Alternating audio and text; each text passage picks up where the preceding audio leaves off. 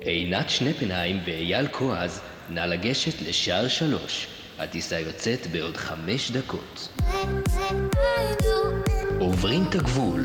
החיים בחו"ל זה לא דיוטי פרי.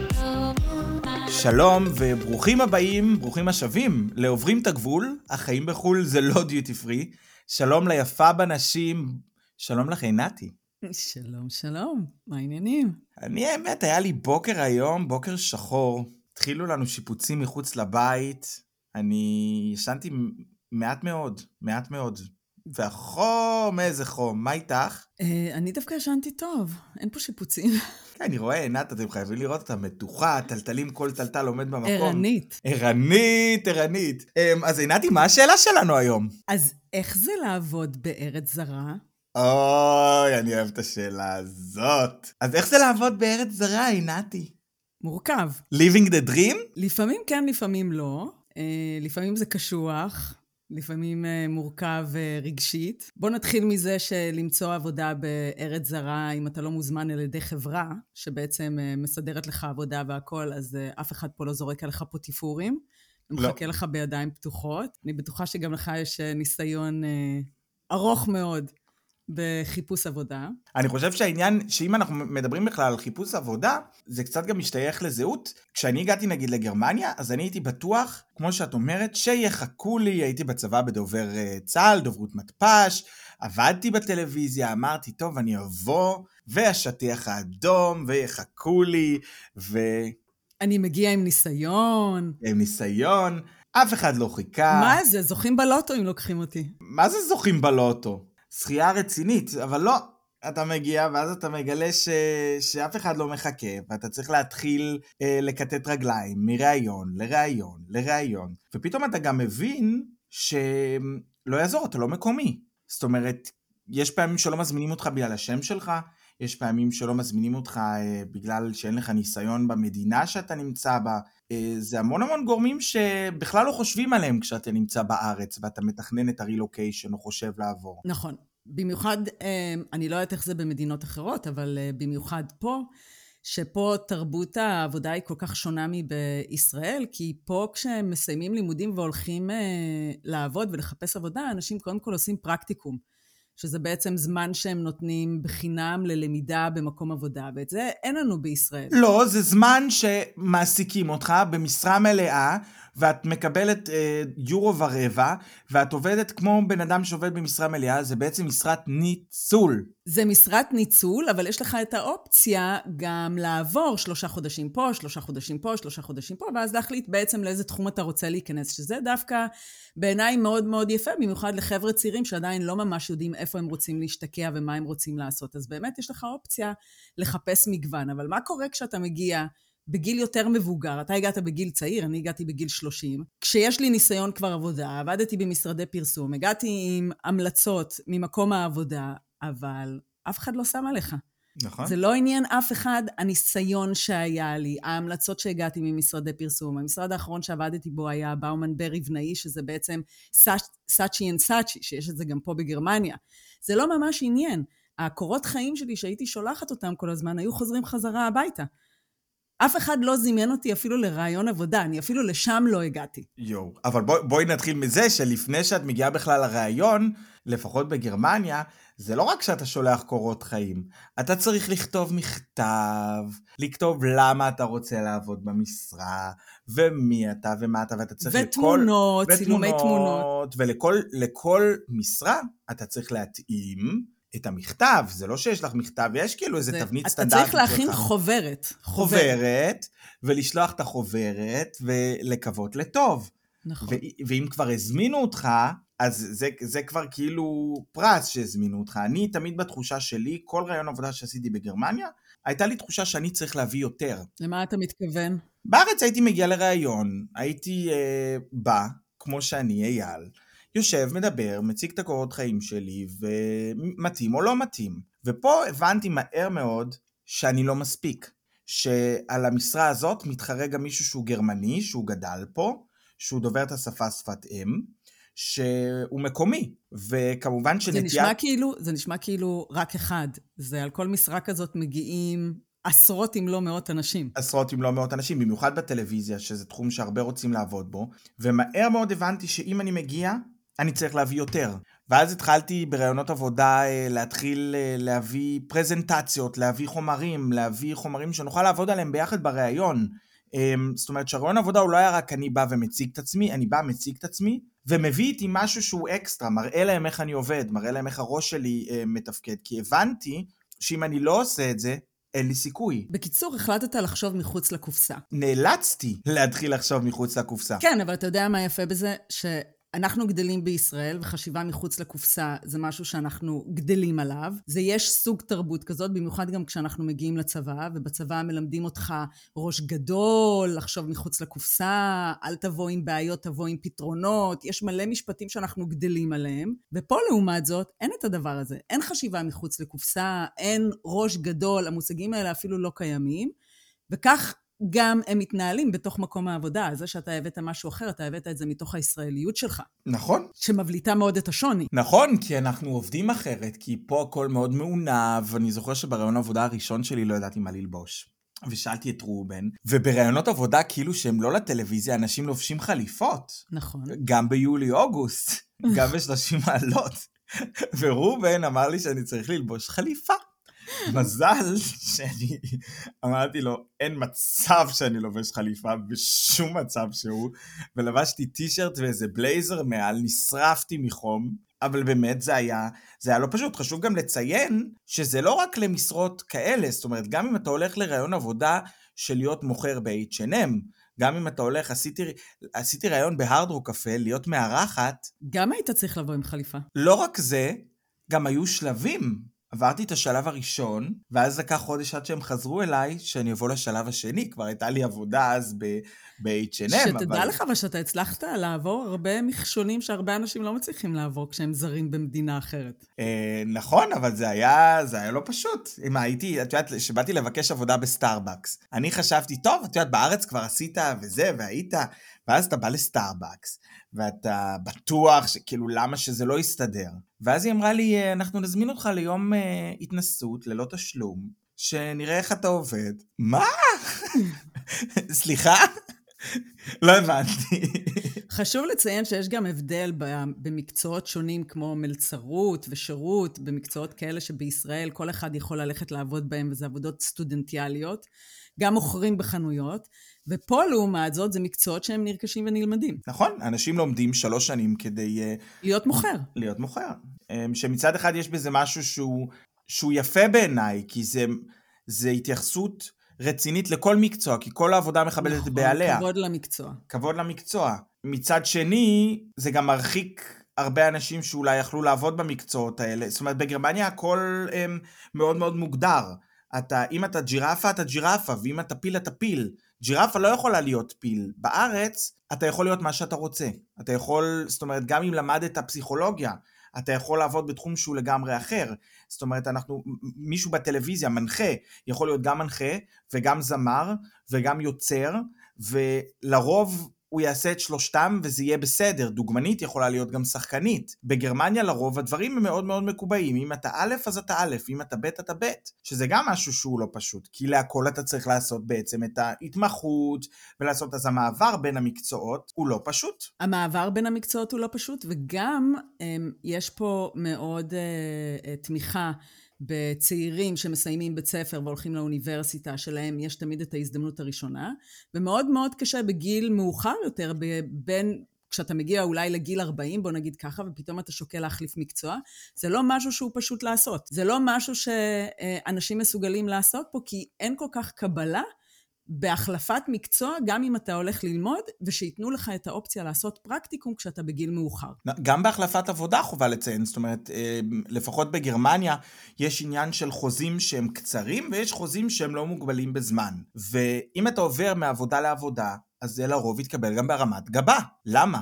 כי הגישה פה אומרת, אם אתה נכנס למקום, אתה נשאר בו. זאת אומרת, אתה רץ ב... בדרך שלך.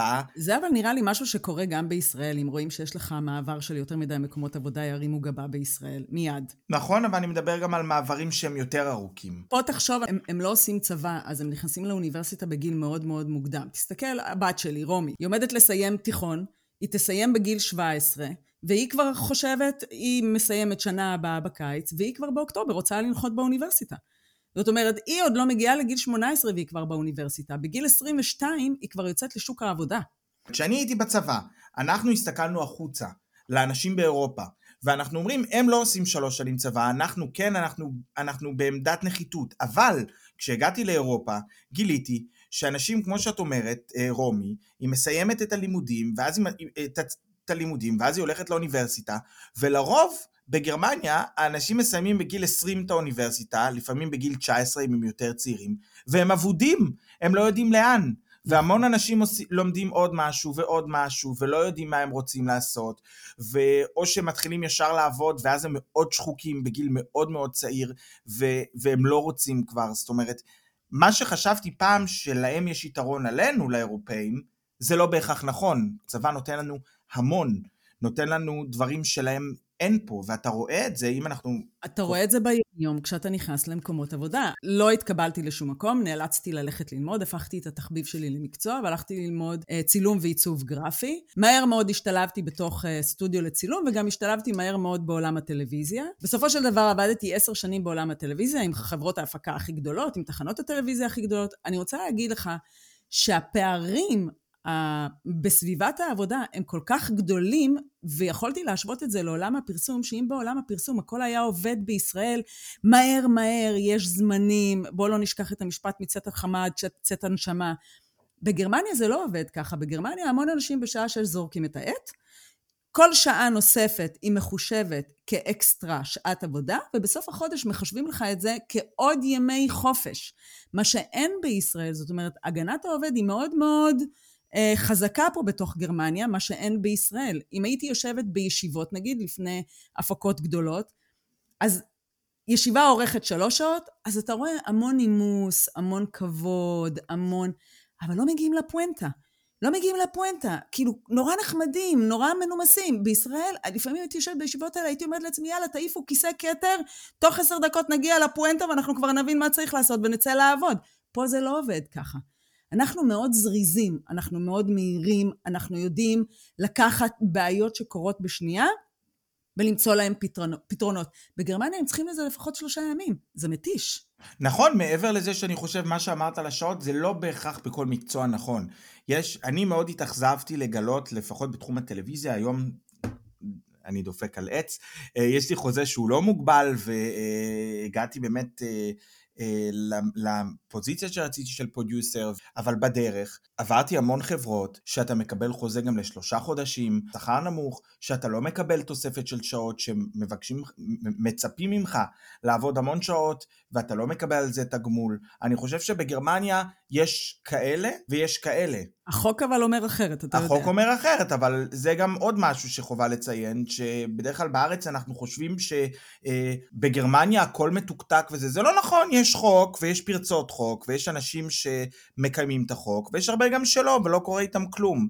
אה, יש לצורך העניין, אה, יש לי חברה שאימא שלה היא מנקה והיא עובדת בחברת כוח אדם, למרות שהיא מועסקת בחברה, היא מועסקת דרך חברת כוח אדם ואין לה שום תנאים וכל פעם מפטרים אותה ומוציאים אותה ומחזירים אותה ואת אומרת גרמניה, שאנחנו כאילו בישראל אומרים גרמניה גרמניה, אז זה קורה גם פה וזה קורה בכל מקום. נכון מה שאת אומרת שיש יותר התייחסות לעובד ויש יותר התייחסות אה, לשעות העבודה. הרבה יותר, אם אני אקח נשים בהיריון למשל, בישראל, עד שהמים לא יורדים, את לא יוצאת לחופשת הריון. פה, את יוצאת כבר חודשיים לפני סוף ההיריון, את כבר יוצאת הביתה לשמירת הריון, על פי החוק, ומותר לך להיות שנה וחצי בבית עם התינוק, מה שבישראל, אם תוך שלושה חודשים את לא תגיעי לעבודה, אין לך מקום עבודה. פה שומרים לך את מקום העבודה. נכון, את צודקת, יש דברים שהם, שמאוד טובים פה, ויש דברים שהם, שהם גם פחות. לי הכי מפריע בכל סיפור העבודה בגרמניה או במדינה זרה, זה החבר'ה, זה האנשים. אין, אין הוואי. אין, קודם כל אין הוואי. אין הוואי.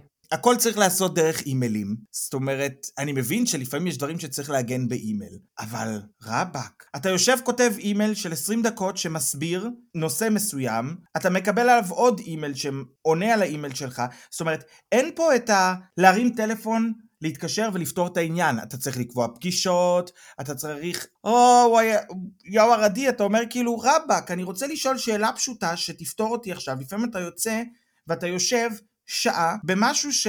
שנייה שיחת טלפון לאלף וב' והיית פותר אותה, בשנייה. השבוע הייתה לי באמת אה, פגישת עבודה על פרויקט אה, שאמור לקרות בישראל, וזה היה כל כך מרענן. אנשים יושבים, אומרים, נעשה ככה, נעשה ככה, פגישה של 20 דקות.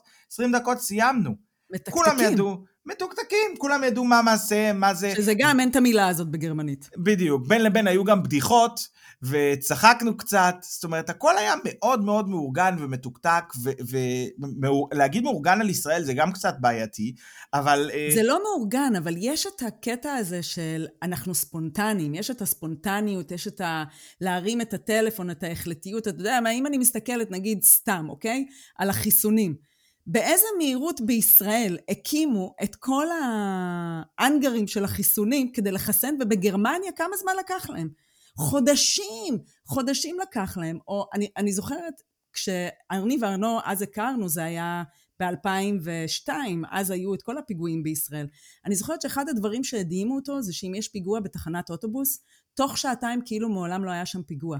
אין דבר כזה פה בגרמניה. סגנון העבודה פה הוא הרבה יותר איטי. פה אם קורה משהו זה שלושה ימים הרחוב סגור.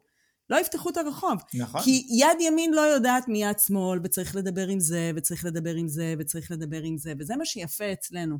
אני רוצה להגיד לך אבל, שאני הכרתי כבר כמה ישראלים שעבדו פה, בכל מיני חברות גרמניות, וזה היה בעוכריהם, למשל, הדבר הזה, כי הם מאוד לא היו מקובלים בהתחלה במקומות העבודה, בגלל שהם היו מאוד מאוד זריזים. ואז העובדים האחרים הסתכלו עליהם בעין לא יפה, כי בעצם הם מציגים את העובדים האחרים כעובדים איטיים.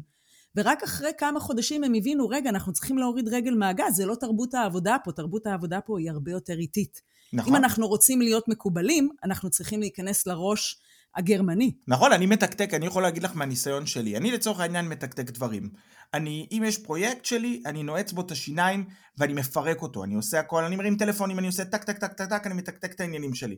אני יכול לפעמים לסיים עבודה שאנשים אולי שיושבים לידי עובדים עליה שמונה שעות, לסיים אותה בשעתיים. ואז יש לי זמן, אז אני יכול ללכת מנקודה א' לנקודה ב', יש לי זמן להיות קריאטיבי. היה לי, הייתה לי, שעבדתי בחברה אחרת, הייתה לידי אה, בחורה שעשינו את, אותה, את אותה משרה. ואני תמיד הייתי מתקתק את העבודה שלי, ואז הייתי הולך, אה, מדבר עם קולגות, כמובן הכל בענייני עבודה, אה, אבל שואב השראה, מדבר, רואה איפה אני יכול ליצור חיבורים, איך אני יכול לגשת לעוד נקודות, להשיג עוד דברים, והיא כל היום הייתה יושבת מול המחשב. ובאיזשהו שלב גם אני שאלתי את עצמי, מה היא עושה כל הזמן מול המחשב? עכשיו, היה כזה סיטואציה ש... זה, זה מערער. כן, עכשיו, גם אני הייתי זה שכל היום מסתובב, וכאילו לא עובד, כביכול, והיא כל היום יושבת חרוצה על המחשב. עד שיום אחד גיליתי שהיא עושה שופינג במחשב שלה, שהיא עושה איזה קורס בין לבין. היא מנצלת את הזמן. מנצלת את הזמן. לי הייתה פעם הפקה באנדמול, הפקת צילום מאוד מאוד גדולה, והתקשרה אליי המנהלת שם ואומרת לי, תקשיבי, יש לי שלושה צלמים, שניים מהם, אתם שלושה כאילו שאנחנו רוצים לעבוד איתם, שניים מהם, אנחנו צריכים לציין 400 איש לאיזה הפקה מאוד גדולה. שני הצלמים אמרו לי שאי אפשר לעשות את זה פחות משבועיים. כמה זמן את תוכלי לעשות את זה? אמרתי לה, תוך ארבעה ימים אנחנו מתקתקים את זה. היא אומרת לי, מה, בארבעה ימים את תצליחי לעשות את זה? אני אומרת לה, בטח. היא אומרת לי, איך תעשי את זה? ואני כמובן ישר חושבת, אני יוצאת למבצע צבאי עכשיו. אומרת לה, תקשיבי, תוציאו רשימה של כל העובדים, של כל ה-400, אנאלפביתית. כל עשרה אתם הופכים לקבוצה. אנחנו מתחילים בשעה תשע, מתשע עד תשע וחצי עשרה הראשונים, תשע וחצי עד עשר יש את, העש, את, העש, את העשרה הבאים. וככה אמרתי לה, צריכה לשבת מישהי עם כל הרשימה, להודיע לכל עשרה באיזה שעה הם באים, כל אחד יש לו שלוש דקות. זה הולך להיות מתוקתק, מכונה משומנת. וככה זה היה. עכשיו, לקחתי בחשבון שגם לא כל ה-400 יגיעו. בסופו של דבר הגיעו 350 איש מתוך ה-400, הרי זה ברור שזה קורה. 350 מתוך ה-400. ישבה איתי אה, פרקטיקנטית שישבה כל היום על הטלפון והייתה מתקשרת לכל העשרה. תקשיב, זה עבד כמו מכונה משומנת. אבל זה משהו, איך היא באה אליי ואמרה לי, תקשיבי, עם גרמנים אי אפשר לעשות את מה שאת עשית. נכון. הם לא יכולים לחשוב בצורה כזאת כמו שאת חושבת. ואני אומרת לה, איך אפשר לצלם 400 איש בשבועיים? זה משהו שאני לא יכולתי להבין. איך אפשר למרוח את זה? נכון, אבל הבעיה היא גם שלפעמים יש לנו בתור עובדים שעובדים במהר, יש, אתה נהנה מתדמית שהיא פחות טובה. אני הרבה פעמים מרגיש שזה שאני קומוניקטיבי, שזה שאני בא ו- ומדבר ועושה את הדברים בזריזות, ובמקום לשבת עכשיו לכתוב אימייל 40 דקות, אני קופץ שנייה למשרד, מדבר עם הבן אדם, ופותר את הבעיה, אז מסתכלים עליך באור קצת אחר. זאת אומרת, אני חושב, בסופו של דבר הגעתי מאוד מהר לאן שהגעתי, אז אני לא בא בתלונות, זה גם בגלל מי שאני. בכל זאת, הרבה פעמים בדרך, זה היה מוקש בשבילי, וזה היה בשבילי אה, מכשול. אבל היום אתה מרוויח מזה, היום אתה נכון. מביא משהו אחר, אתה מראה להם שאפשר גם אחרת. נכון, זה משהו ש... זה משהו שאפשר ללמוד. אני בשנים האחרונות, אתה יודע, אני עובדת בתור אה, מאמנת אישית וזוגית. בהתחלה כשהתחלתי לעבוד, אז הייתה לי קליניקה פה בקול. עבדתי גם עם גרמנים וגם עם ישראלים. אז הגיעה הקורונה, נאלצתי לסגור את הקליניקה, ועברתי לעבודה בזום. הקורונה פתחה את העבודה בזום. וככל שעבר הזמן, היו לי פחות גרמנים, והגיעו אליי הרבה יותר ישראלים, נשים וגברים אה, מכל העולם. ואני רוצה להגיד לך שכשהקליניקה שלי התחילה להתמלא בישראלים, זה היה פעם ראשונה, איך אני הלכתי לארנוב ואמרתי לו, תקשיב, אני עובדת רק עם ישראלים ואני מרגישה שהגעתי הביתה. יש מין סוג של כנות, של ישירות, של חוש הומור, המון חוש הומור, גם אם יש כאב ויש עצב ויש דמעות. יש משהו בשפה וביכולת שלנו להתבטא וביכולת שלנו להגיע לעומקים אחד עם השני, שבאמת אני הרגשתי אחרי, זה היה, הייתי כבר 17 שנה פה, קורונה התחילה לפני שלוש שנים, 17 שנה פה, אני הרגשתי פעם ראשונה מבחינת עבודה שהגעתי הביתה. הרגשתי ששם אני צריכה להיות, אני צריכה לעבוד רק עם ישראלים. למה אני צריכה לריב כל הזמן בראש שלי ולעבוד עם גרמנית? שכשאני יודעת שגם אי אפשר לפנות בשם הפרטי, כי כשמגיעים אליי מאומנים גרמנים, זה תמיד יהיה בגוף שלישי. זאת אומרת, יש דיסטנס מאוד, מאוד מרוחק. אני ויתרתי על, על. הגוף השלישי. אני לא עושה את זה. אבל המון מקומות עבודה. המון מקומות עבודה לא עושים את זה. אני לא משחק את המשחק, אני לא פונה לאף אחד בלשון רבים. בגרמניה, למי שלא יודע, גוף שלישי זה אומר רבים. זאת אומרת שהייתי מדבר לעינת, שלום, אה, גברת שנפנהיים, מה שלומכם? אה, איך אתם מרגישים היום? איך עבר עליכם היום? לא. זה יוצר מרחק מאוד מאוד גדול. בגלל זה, אתה יודע מה, אם אני חושבת על זה, בהרבה מקומות עבודה אין את ההוואי ואין את האווירה ואת החברות ובוא נצא לדרינק, בגלל המרחק הזה. וכשאני עבדתי עם גרמנים, אני ממש הרגשתי את המרחק הזה, אפילו שהעבודה שלי היא להיות מאמנת והם עוברים תהליך אישי אצלי. לעבוד עם ישראלים, כשאנחנו פונים אחד לשני בשם הפרטי, יש משהו הרבה יותר מחמם והרבה יותר מקרב והרבה הרבה יותר נעים, ואני לא אוותר, היום אני יודעת שאני לא אוותר על המקום הזה של לעבוד עם אה, ישראלים וישראליות, כי זה באמת באמת תענוג גדול. אני מקנא בך, את שולחת אותי לארץ חזרה. זה לא פייר. חס וחלילה, תיזהר. לא, כי זה, זה, זה נכון מה שאת אומרת, לי חסר באמת ההוואי, את, למרות שיש לנו צחוקים לפעמים וזה, אבל זה לא... מקומות עבודה שעבדתי בהם בארץ, היה לנו, ממש היינו צוות, היינו אחד בתוך השני, זאת אומרת, זה נכון. היה... וואו, ופה זה... ממש אתה יכול, יש לך חברויות אמיתיות, שאני עד היום יש לי את החברויות האלה מישראל, מעולם הפרסום, עד היום יש לי חברים, פה אין לך את זה. לא משנה באיזה חברת הפקה אני עבדתי, ולא משנה באיזה אה, אה, תחנת טלוויזיה אני עבדתי, אין, אין את החברויות, יש את ה-היי היי, אנחנו כאילו נורא נחמדים, נורא נעימים. בוא נשב לדרינק. אין את זה. אתה לא לוקח אותם איתך הביתה בתור חברים, אתה לא מפתח איזה משהו אישי מעבר, וזה משהו שהוא מאוד מאוד חסר. וגם אתה חסר. מפתח, יש תמיד את הגבול הזה שעומד, שעומד בינך לבין הבן אדם, שאתה לא יכול לשבור אותו, שזה איזשהו גבול שהוא... זאת אומרת, אני יכול להגיד שאצלי במשרד יש לפעמים הם, עניין של שאלה, אם אתה נחמד לבן אדם, ואם אתה חבר שלו, אז יש אנשים שיש להם בעיה לקבל אחר כך את הסמכות שלך. שבארץ, בגלל שהיינו בצבא, אז אנחנו יודעים שיש את המפקד, ויש אותך חייל, ואתה יכול להיות חבר של המפקד שלך, הוא עדיין המפקד שלך, ואתה צריך לכבד אותו, ואם הוא נותן לך פקודה, אתה עושה אותה. ופה יש לפעמים בלבול, שמצד אחד, אני לא בן אדם ששומר דיסטנס, אני חבר של כולם, אבל כשעבודה צריכה להיעשות, היא צריכה להיעשות. וזה לא משנה כמה נחמד אני וכמה חבר אני, שאנחנו מדברים ברמה מקצועית, אנחנו ברמה המקצועית, גם אני ואת, שאנחנו מדברים על דברים מקצועיים, אם זה הפודקאסט, אם זה דברים שלנו, אנחנו מדברים על הדברים בצורה, אנחנו יודעים לעשות את ההפרדה. את ההפרדה, כי אנחנו, אנחנו חברים, ואנחנו גם עושים פרויקט ביחד, ופה זה מאוד מאוד קשה. זה מאוד מאוד קשה לאנשים להבין, אוקיי, אם הוא חבר, אז אולי הוא לא יכול להיות בוס, ואם הוא, ואם הוא בוס, אז הוא לא יכול להיות חבר. וזה משהו שצריך ללמוד, אה, ללמוד להתמודד איתו. אז עינת, איך זה לעבוד בארץ זרה? אז אני רוצה להגיד לך שמבחינתי, אני חושבת שהעבודה שלי עם נשים וגברים ישראל, ישראליות וישראלים בכל העולם, באמת באמת ממלאה לי את החוסר של, ואת הגעגוע שיש לי למדינת ישראל.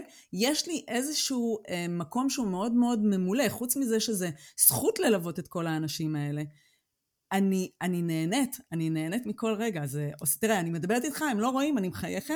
נכון. זה עושה לי ממש ממש טוב לעבוד עם ישראלים. ויש אז לי את מנוולת.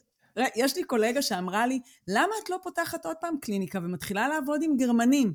ואני אומר, ואני כל פעם, אני מנסה להגיד, תקשיבי, לא בא לי, לא בא לי, טוב לי, טוב לי רק לעבוד עם ישראלים. אני לא יודעת אפילו איך להסביר את זה, וכשאני אומרת, הגעתי הביתה, היא לא, היא לא מצ... היא גרמניה, היא לא מצליחה להבין את זה. היא לא מצליחה להבין על מה אני מדברת, אבל אתה מבין, ואני חושבת שהמאזינים גם מבינים על מה אני מדברת. לא, אז אני, אני אחזור על זה ואני אגיד שאת מנוולת, כי את הולכת בלי ומרגישה עם. נכון. ואני נשארתי, נכון. ואני נשארתי לכתוב אימיילים, ו, ולשמור דיסטנס, וזה מה שנגזר עליי. אז זה מה שיגזר עליי. נכון. שם ירחם. איי, עוד לא באנו די, הרוח והשמש על פניי. אז נסיים בסונג, נתי. אמ, נכון. זה לא תמיד קל לעבוד אה, בארץ זרה. יש הרבה מוקשים אה, עליות וירידות, אבל כל עוד הכסף נכנס לחשבון בדיוק, ב-27, 26 ככה לחודש, זה מפצה על הכל. אז אה, אנחנו נתראה בפרק הבא של אה, עוברים את הגבול, החיים בחו"ל זה לא דיוטי פרי. תעקבו אחרינו בקבוצה בפייסבוק. תדרגו אותנו באפל ובספוטיפיי, תפרגנו לנו, אל תהיו ככה. ותמשיכו לכתוב לנו בפרטי, אה, מאוד כיף לנו שאתם כותבים לנו הודעות, וניפגש בפרק הבא. חמישה כוכבים תיתנו לנו, אל תהיו קמצנים. ביי. ביי.